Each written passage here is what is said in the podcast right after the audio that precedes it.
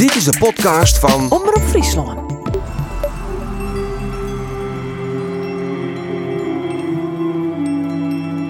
Kerst 1997.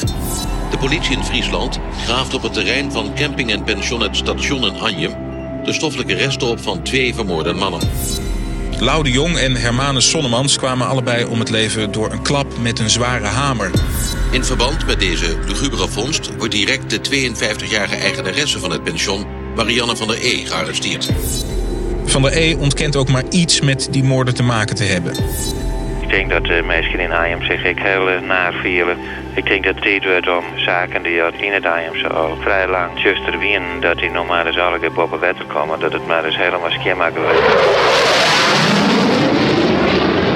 Vandaag zullen twee F-16's van de Koninklijke Luchtmacht afkomstig van de vliegbasis Volkel op verzoek van de officier van justitie van Leeuwarden een uh, fotoverkenningsvlucht maken boven Anjem. Uh, het, het, is zelden dat we dit doen uh, voor justitie.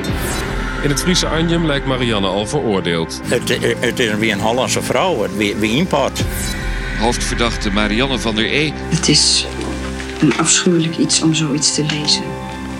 Te weten wat, te voor te stellen wat daar moet zijn afgespeeld, moet hebben afgespeeld. Het gerechtshof in Leeuwarden veroordeelde haar tot zes jaar en tbs voor de moord op twee mannen. De pensionmoorden in Anjem. Het lijkt de titel van een thriller, maar het is bloedige ernst.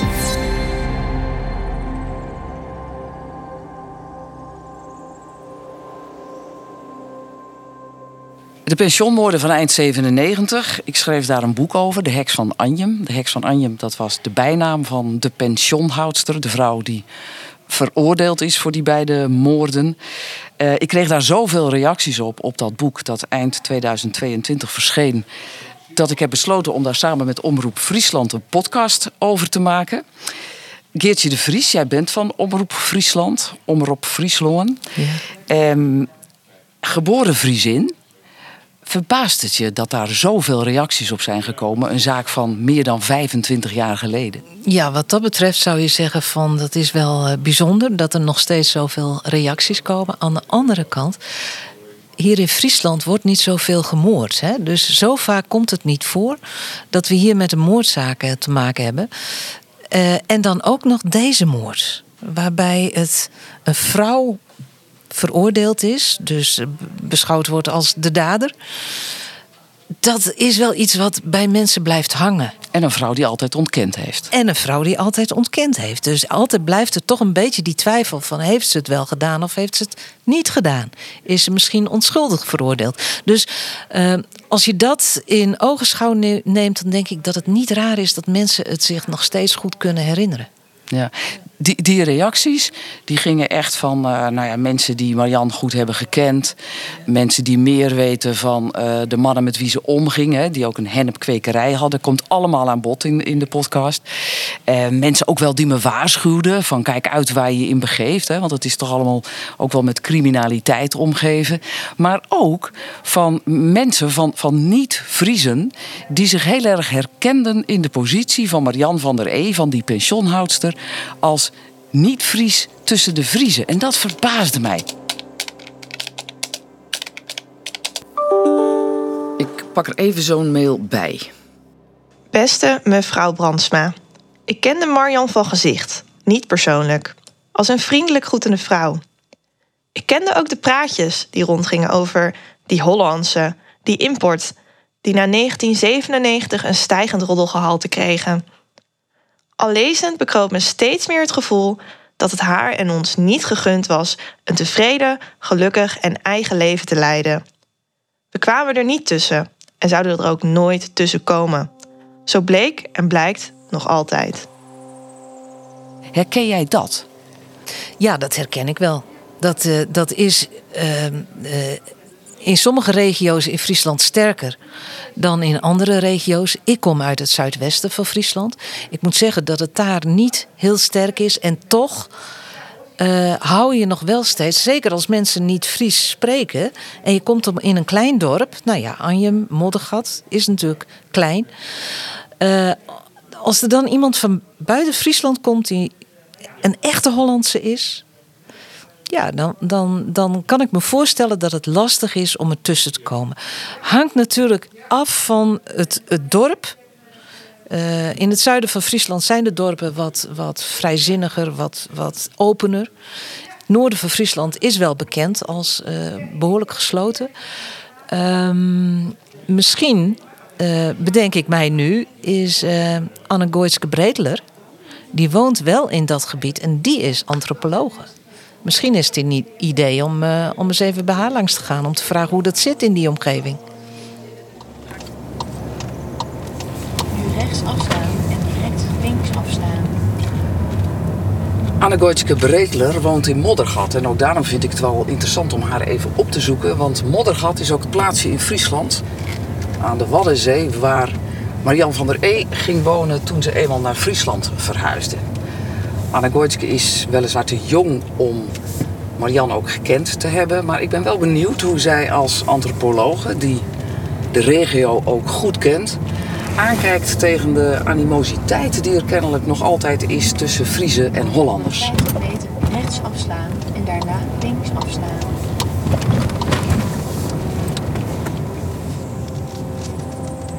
Nou, ik denk dat dat in alle. Nee, ik denk niet per se dat dat speelt tussen Hollanders en Friesen alleen.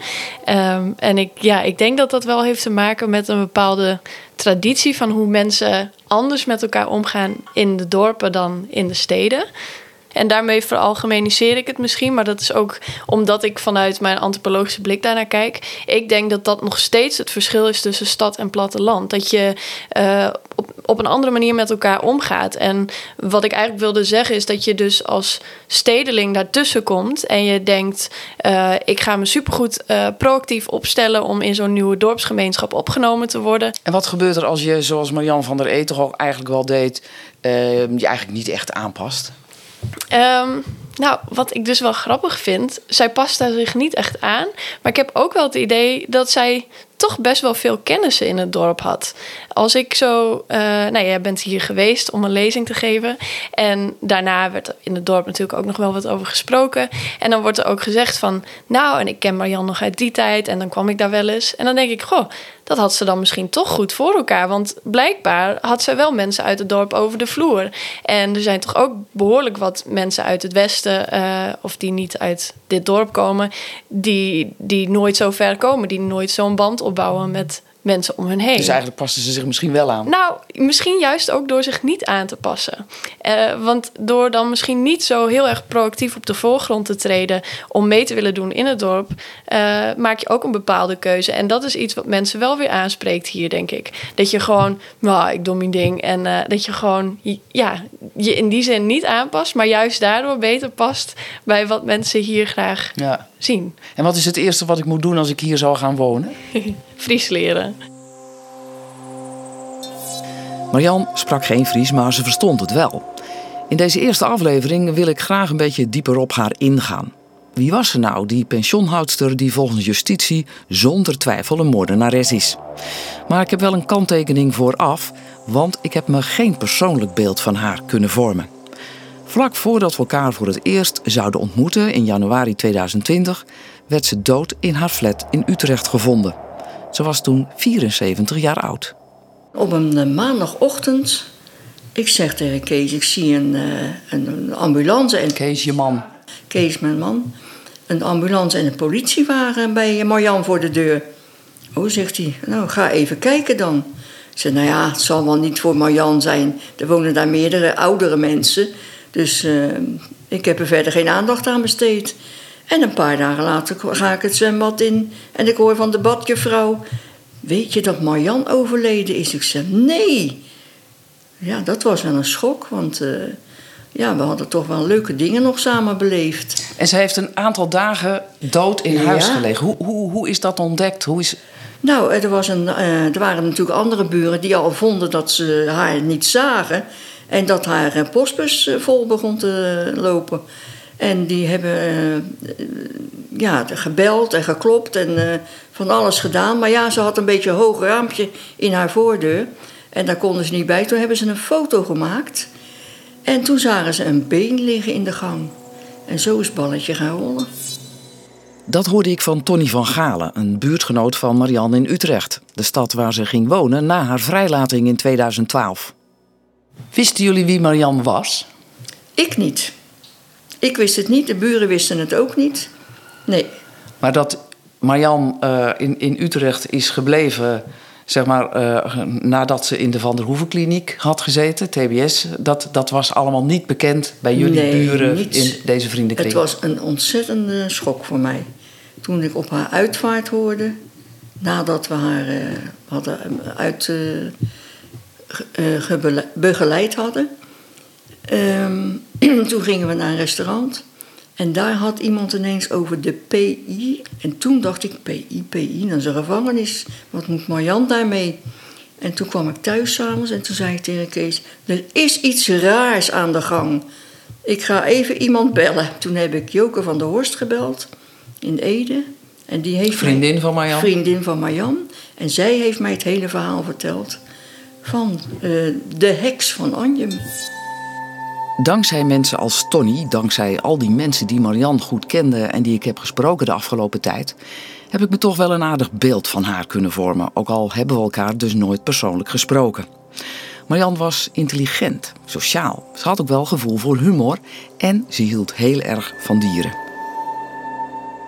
Dat laatste hoorde ik weer toen ik in de boekhandel van Dokkum was om een boek te signeren.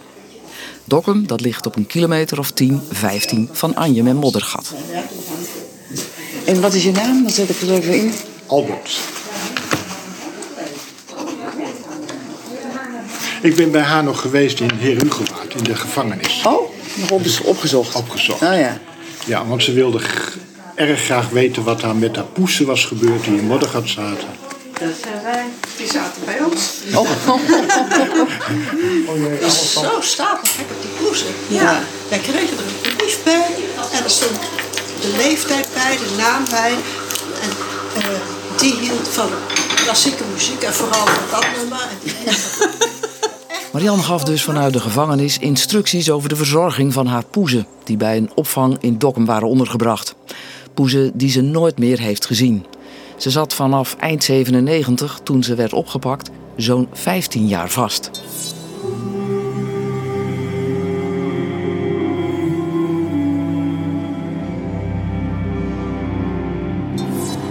Marianne werd in 1945 geboren. Als kind van een jaar of negen verhuisde ze met haar ouders, haar broer en zussen naar Texel, waar haar vader directeur van de HBS werd. Na de middelbare school studeerde ze biologie in Amsterdam en werkte voor het ministerie van Landbouw en Visserij en voor hogescholen in Den Helder en Groningen. Beste Margriet, Marjan van der E was mijn naamgenote en collega op de Agrarische Hogeschool in Groningen in de jaren 80 van de vorige eeuw. We hadden een sterke band met elkaar, zijn samen op vakantie geweest naar Schotland en Londen en hebben in Groningen samen de Emancipatiecommissie opgericht. Marian Hulshof, een oud collega van Marian, meldt zich. We treffen elkaar in haar atelier in de binnenstad van Leeuwarden. Is het een oude school? Ja, dit is een oude school. Het was vroeger een meisjesschool. Oké. En uh, hier tegenover, precies hierachter, was de jongensschool. Die is helemaal gestrikt. Om te beginnen, waar, waar ken jij Marian van?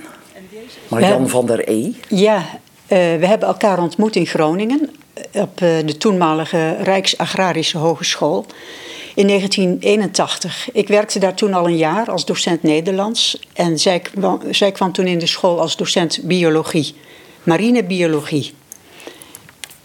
En wij, er waren toen nog niet veel vrouwen op die school.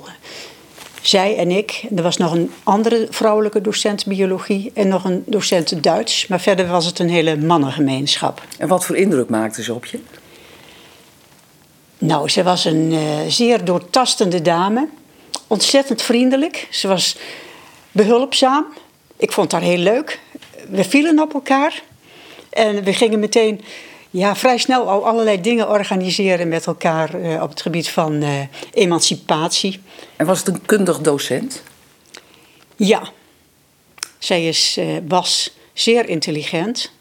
Ze vertelde me wel eens hoe ze dan bijvoorbeeld een les eh, over microbiologie gaf. En eh, dat was een toneelstuk. Dan deed ze voor hoe die kleine organismen zaten te happen naar lucht en naar voedsel. Ik kon me zo voorstellen hoe, dat dan, hoe zo'n les eruit zag. En de studenten zaten aan haar lippen gekluisterd. Maar ze was niet altijd even geconcentreerd. Eh, soms als ze haar les goed had voorbereid, dan ging het geweldig. Maar ja, ik heb de indruk dat ze het niet altijd erg goed voorbereidde. Nee. Maar jullie raakten bevriend? Ja. Wat, wat, wat was het in Marianne dat je zo aansprak? Die... Um, haar voortvarendheid en haar avontuur. Ze was voor niemand bang. En dat was voor mij een voorbeeld. Want uh, ik was uh, in die tijd nog wel wat verlegen. Dus ik vond het leuk zoals zij opereerde. Ik dacht van ja, ja. Zo, dat wil ik ook wel. Nou heb ik wel het beeld gekregen van Marjan dat ze eigenlijk overal uh, problemen kreeg, vroeger of later. Ja. Dat was hier ook zo. Op school, op school ja, zeker. Ja. Wat voor problemen waren dat? Ja, nou, daar was me aanvankelijk heel zwijgend over. Uit privacyoverwegingen. Dus ik kwam daar niet helemaal goed achter wat er aan de hand was. Wat er gezegd werd was dat ze uh, geld uh, in haar eigen zak had gestoken voor dictaten die de school bekostigd had. Maar wat er precies gebeurd is, weet ik niet. Maar het bleek wel zo ernstig te zijn dat ze ontslagen werd. Ja. Dus, uh, jullie, ja. jullie bleven wel bevriend? Ja, want ik, uh, ze wilde graag. Ze zocht ook maatjes binnen de school. Van, want ze werd ontslagen en ze wilde dat ontslag ongedaan maken. En ze zocht mij als maatje. En er waren meer docenten die ze probeerden te, als maatje te zoeken. En dan probeerde ik erachter te komen van wat is hier nou precies gebeurd. Want ik wil haar wel steunen, want ja, ik vond haar een leuk mens. Maar ik, ik ga niet in iets stappen wat, waar, waar een luchtje aan zit. Ja. Dus ik probeerde bij haar te achterhalen van wat is er nou precies gebeurd. Maar ik kwam er nooit achter. Ik kwam vaak bij haar in Moddergat. Marianne die was toen bezig met de processen, want ze wilde dat ontslag ongedaan maken. Maar uh, de hele kamer lag vol met documenten. De voorkamer, de achterkamer, allemaal stapeltjes. En dan dacht ik van, jezus, hoe kan ze dat allemaal uit elkaar houden? Maar, uh, want ze procedeerde wat af? Ja. ja, daar ben ik toen wel achter gekomen. Wat heeft gemaakt dat je op een gegeven moment dat, dat contact op een lager pitje hebt gezet? Of, uh, want op een gegeven moment zie je haar niet meer, begreep ik. Ja, nou, we, uh, we zagen elkaar steeds minder, want ik kreeg er moeite mee dat het bij haar lastig was om de waarheid te achterhalen.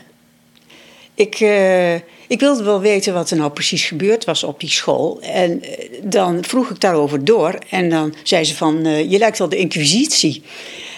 ik kwam er gewoon niet achter. Dus ja, dan vind ik het moeilijk om met iemand door te gaan. Als ik, uh, ik wil wel dat er toch een soort basis van vertrouwen is. En ja, dat had ik al wel eerder gemerkt, dat het bij haar lastig is om de waarheid te achterhalen. Maar ik vond het, uh, het, het irriteerde me steeds meer. Dus dat is toch de reden dat ik er niet zo vaak meer kwam. Haar leugenachtigheid, het feit dat ze altijd maar de helft vertelde, dat soort dingen. Ja, ik weet niet of het leugenachtigheid was, maar het was meer het verzwijgen van essentiële dingen die je in een vriendschapsrelatie wel wilt weten. Ja. Toen ze dat pensioen kocht in Anjem, hadden jullie toen nog contact? Nee, toen hadden we geen contact meer. Dus ik kende fase Moddergat, maar uh, ongeveer vanaf 1995 heb, hadden we geen contact meer. Ja. Dus dan wordt op een gegeven moment bekend, zo kerst 97, daarna dat Marianne verdacht wordt van twee moorden. Hoe, hoe, hoe kwam je dat aan de weet? Hoe... Via de krant. M. van der E heeft een moord gepleegd. Of tenminste, is verdachte bij één moord of misschien wel twee. ja, ik schrok ontzettend. Had je toen de neiging om weer contact met haar op te nemen? Nee. Nee. Want, kijk, niemand. Voor, iedereen kan een moord plegen. Dat is wel bekend. Als je echt in, eh, in de penarie komt, dan ben je in staat een moord te plegen. Dus zij ook. Dus misschien had ze het gedaan, misschien niet. Maar mijn ervaringen met haar van eh, dat de waarheid moeilijk te achterhalen is, uh, maakte toch wel dat ik dacht van nou ja, ik, ik, ik hoef hier niet meer van te weten. Laat maar. Even weer de chronologie. Overal waar Marian na haar studie werkte, ging ze met mot weg. Midden jaren 90 heeft ze dan geen baan meer en koopt ze pension Het Station in Anjem. Ze hoopt op natuurliefhebbers als klandizie, maar het loopt anders. Het pension wordt meer en meer bevolkt door randfiguren, zoals in Anjem gezegd wordt. En daar is Marian zelf ook wel schuldig aan. Ze ontfermt zich over mannen met een strafblad en raakt zo verstrikt in een crimineel milieu. De late avond van 24 december 1997 gaat het mis.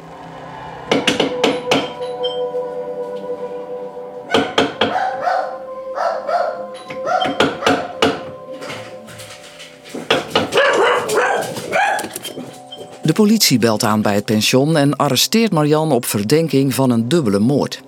Ze zou een dag eerder de 26-jarige Lau de Jong hebben vermoord en in de zomer al de 38-jarige Herman Sonnemans. Is ze in shock?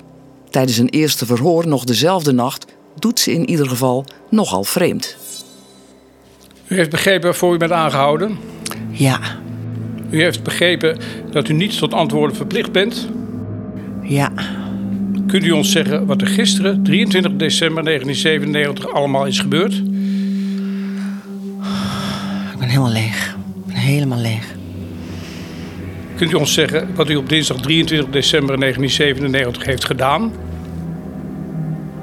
Ja, piano spelen. Ik weet het niet, piano spelen. Ik En wat het weet u niet? Ik weet het niet.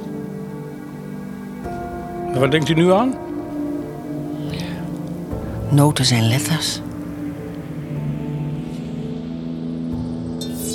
Meer dan 50 keer is Marianne verhoord, maar toegegeven heeft ze de moorden nooit.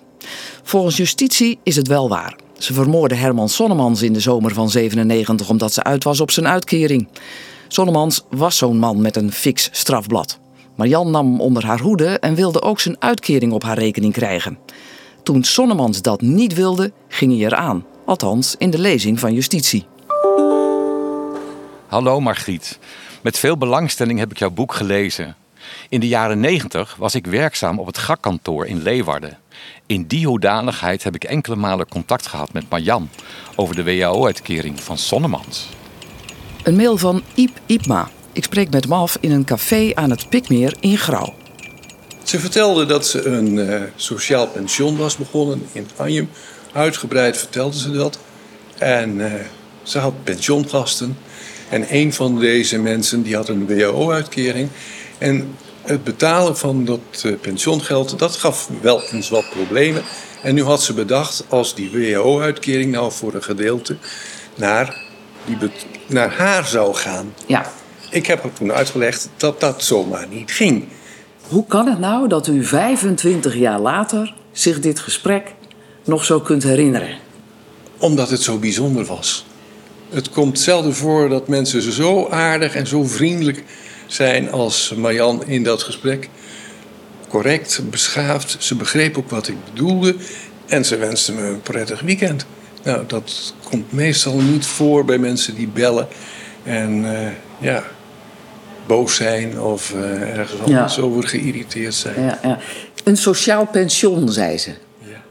Had u daar een voorstelling bij van wat dat zou, zou kunnen zijn? Nee, dat eh, had ze me vast graag allemaal willen uitleggen.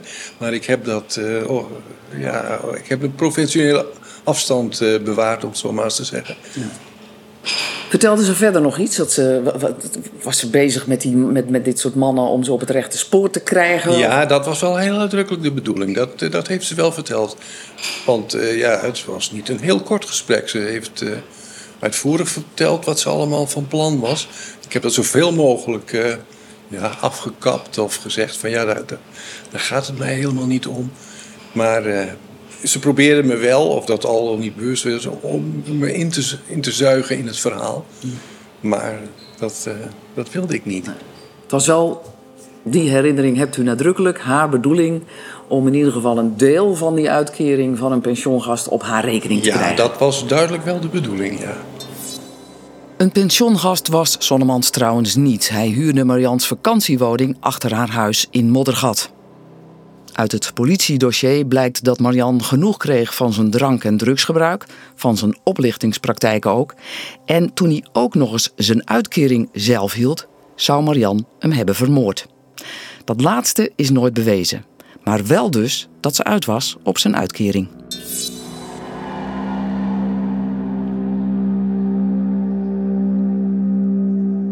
Op 23 december 1997 moet dan Lau de Jong eraan geloven. Voor die moord vindt justitie een motief in de administratie van Marian. Ze maakte hem op papier de baas van de grote hennepkwekerij die een week eerder in haar schuur werd ontmanteld. Daarover later meer. En om te voorkomen dat de jong dat zou kunnen ontkennen, dat hij iets van die hennep wist, sloeg ze hem de schedel in. Het zijn niet erg overtuigende motieven. En Marian heeft het altijd als onzin bestempeld. Maar wat is er dan wel gebeurd? Want dat er vreemde dingen aan de hand waren, dat staat vast. Ja, Douwes. Goedemorgen, u spreekt met Margriet Brandsma. Ja, goedemorgen. Goedemorgen, wij zouden rond dit tijdstip even contact hebben. Ja, klopt. Nou, ik, ik loop, loop er al heel lang mee. Ja. En, eh, en ik zag eh, het boek verschijnen. En, dus ik ben nu op pagina, ik heb gisteren begonnen, op pagina 227. Oh, dat schiet wel lekker op. Ik heb het bijna uit, ja. Maar, eh, maar het is eigenlijk een apart verhaal, want ik, ik, ik kan het in het kort wel schetsen. Horeca-ondernemer Jaap Douwes uit Drachten aan de lijn. Hij had in de jaren negentig een café in een jachthaven niet ver van Anjem. Eh, ik had daar een Grand Café, de Grand Café de Insulinde. En uh, Marianne die kwam daar regelmatig koffie drinken, wat eten. En zo raakte ik met haar in, in gesprek. Een Grand Café Insulinde in? In Oostmahorn. In de jachthaven stond dat. En daar kwam Marianne. En na een tijdje zei ze: Ja, ik krijg allemaal gasten. Ik heb een pension. En die komen overal vandaan. Uit Engeland. En heel verhalen. Nou, ik zei: Dat kunnen we misschien wel samenwerken. Je krijgt van mij introductiekaarten of reductiekaarten voor mensen die daar bij jou zijn. En dan kunnen ze dat bij mij inleveren, dan krijgen ze korting. Dus ze sliepen bij haar? Sliepen bij haar, konden ze bij mij eten, desnoods ontbijten, ook geen probleem. Nou, dat vonden ze helemaal geweldig. Ik heb hele mooie kaarten laten drukken. En uh, die heeft zij gekregen. En bij de regelmaat kreeg ik wel eens iemand die leverde zo'n kaart in, die kreeg korting. Dus zo bleef dat contact eigenlijk altijd wel. Wat voor indruk maakte ze op je? Uh, prima, prima vrouw. Netjes, keurig. Aan wie deed ze je denken? Heb je een beeld? een beetje Nelly Smit-Kroes-achtig. Okay. Mandelpakje had ze wel, een rokje aan netjes, keurig netjes. Sprak heel, heel begaafd eigenlijk. En uh, nee, qua goede indruk eigenlijk, ja. En, en hoe is dat contact verder gegaan? Nou, dat contact bleef eigenlijk altijd wel. Maar op een bepaald moment, toen zag ik haar een hele tijd niet meer. En uh, toen kwam ik op een in de zomer, ik geloof dat het in juli was, kwam ik in, in de plaatselijke Kopak, de, de, de supermarkt. In Anjem? In Anjem. En daar kwam ik Marianne tegen. Maar niet de Marianne die ik altijd herkende. Ze was uh, slonsig, smerig. Ze had een pleister op haar hoofd. Ze had een paar slippers aan. Nou, dat was niet de Marianne die ik kende. En ze was heel schichtig. Maar ze was ook de winkel weer uit en klaar. Weer niet gezien. Tot in december. Uh, ik dacht half december 14, 16 december ongeveer. Toen uh, reed ik bij haar huis langs en daar stond zij. En het was nogal koud, een beetje regenachtig, maar ik denk, hé, hey, daar staat Marianne. Ik denk, ik stop even. Ik zei, hoe gaat het eigenlijk met je? Nou, ze zei eigenlijk niet zo goed. En uh, een heel verhaal. Ik zei, ik heb je tijd niet gezien. Nee, ze had het dan druk gehad. En nou, allemaal verhalen. En ze zei, anders kom, kom maar even binnen, want dan ga ik je wat vertellen. En uh, je wil het niet weten. En nou, ik mee naar binnen toe. Nou, dat was een beetje een nou, een beestenbende daar thuis, een beetje, een beetje een rommeltje binnen. Mm -hmm. en, maar ze was ook nog een beetje, een beetje zenuwachtig nog. En ze zei, ja, ik heb, ik heb heel wat meegemaakt en uh, ik krijg straks de schuld van iets wat ik uh, niet gedaan heb. En uh, ik word bedreigd en zo. Ik zei, zo, dan is er al wat aan. Maar ik zei, waarvoor word je bedreigd? Dus ze, ze zei, dat kan ik niet vertellen. Ik mag dat niet vertellen, ik wil dat niet vertellen, maar ik durf het ook niet te vertellen. Want ik ben daardoor bedreigd. Hm. Ze zei tegen jou, ik word, dat was half december, ja. ik word dadelijk beschuldigd van iets dat ik niet heb ja, gedaan. heel letterlijk, ja. Ik word beschuldigd van iets wat ik niet gedaan heb, zei ze. Maar ze wou niet zeggen wat. Nee, dat snap ik nu ook inmiddels. Ja. En toen had ze het nog over de politie, dat de politie uh, eh, ja, de- die, die, die vertrouwde haar niet. Of die zat mee in het complot. Of die, die had daar ook iets mee te maken. Maar ze, ze durfde verder niet zoveel te vertellen. En wat gebeurt er? Dus zei ze, nou, loop met mij naar buiten. Ik zal je wat laten zien. Dus wij lopen naar buiten toe. Ik loop, lopen door het pad. In de tuin ben ik er ergens nog overheen gelopen, achteraf. Loop om de hoek en toen zei ze op de zijkant van haar huis... Ze zei, kijk maar naar boven. Ze hebben nou twee keer hier geschoten op dit, tap- op dit pand om mij bang te maken. Hm. Ze zei, en ik krijg straks de schuld van iets en ik heb het niet gedaan. Ja. Maar wat wou ze niet zeggen? Alleen toen kwam het verhaal dat zij het gedaan moest hebben.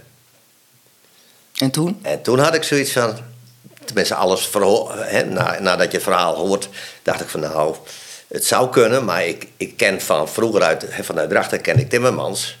Nou, dat was je eh, bedoelt Zonnemans, dat, dat de eerste slachtoffer, ja. Ja, en dat was een, een, Ja. een figuur, een, be- beetje, een beetje stevige, nou, een stevig mannetje eigenlijk.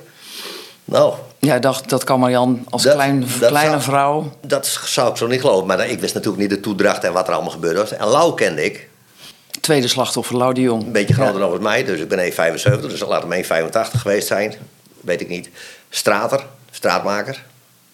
Sterke jongen. Lijkt me wel. Nou, dat, eh, nee, dat gaat er bij mij niet in. Dat, Nee. dat, ik geloof niet dat dat... Ik denk achteraf wel eens, hè, als je alles hoort... Ik heb het boek gelezen natuurlijk. eh, dat ze ermee te maken heeft gehad, dat geloof ik wel. Daar is wel iets. Mhm. En dat ze... Ze heeft toen tegen mij gezegd... ik krijg daar de schuld van iets wat ik niet gedaan heb. Dus ze heeft het misschien wel gezien, geweten enzovoort. Ja, maar ze heeft het zelf niet gedaan. Wist Marian van de moorden? Of sloeg haar opmerking: Ik word binnenkort beschuldigd van iets dat ik niet heb gedaan, op de hennepkwekerij in de schuur van haar pension? Over die hennepkwekerij meer in de volgende aflevering. Wie zaten daarachter? En wist Marian er echt niks van?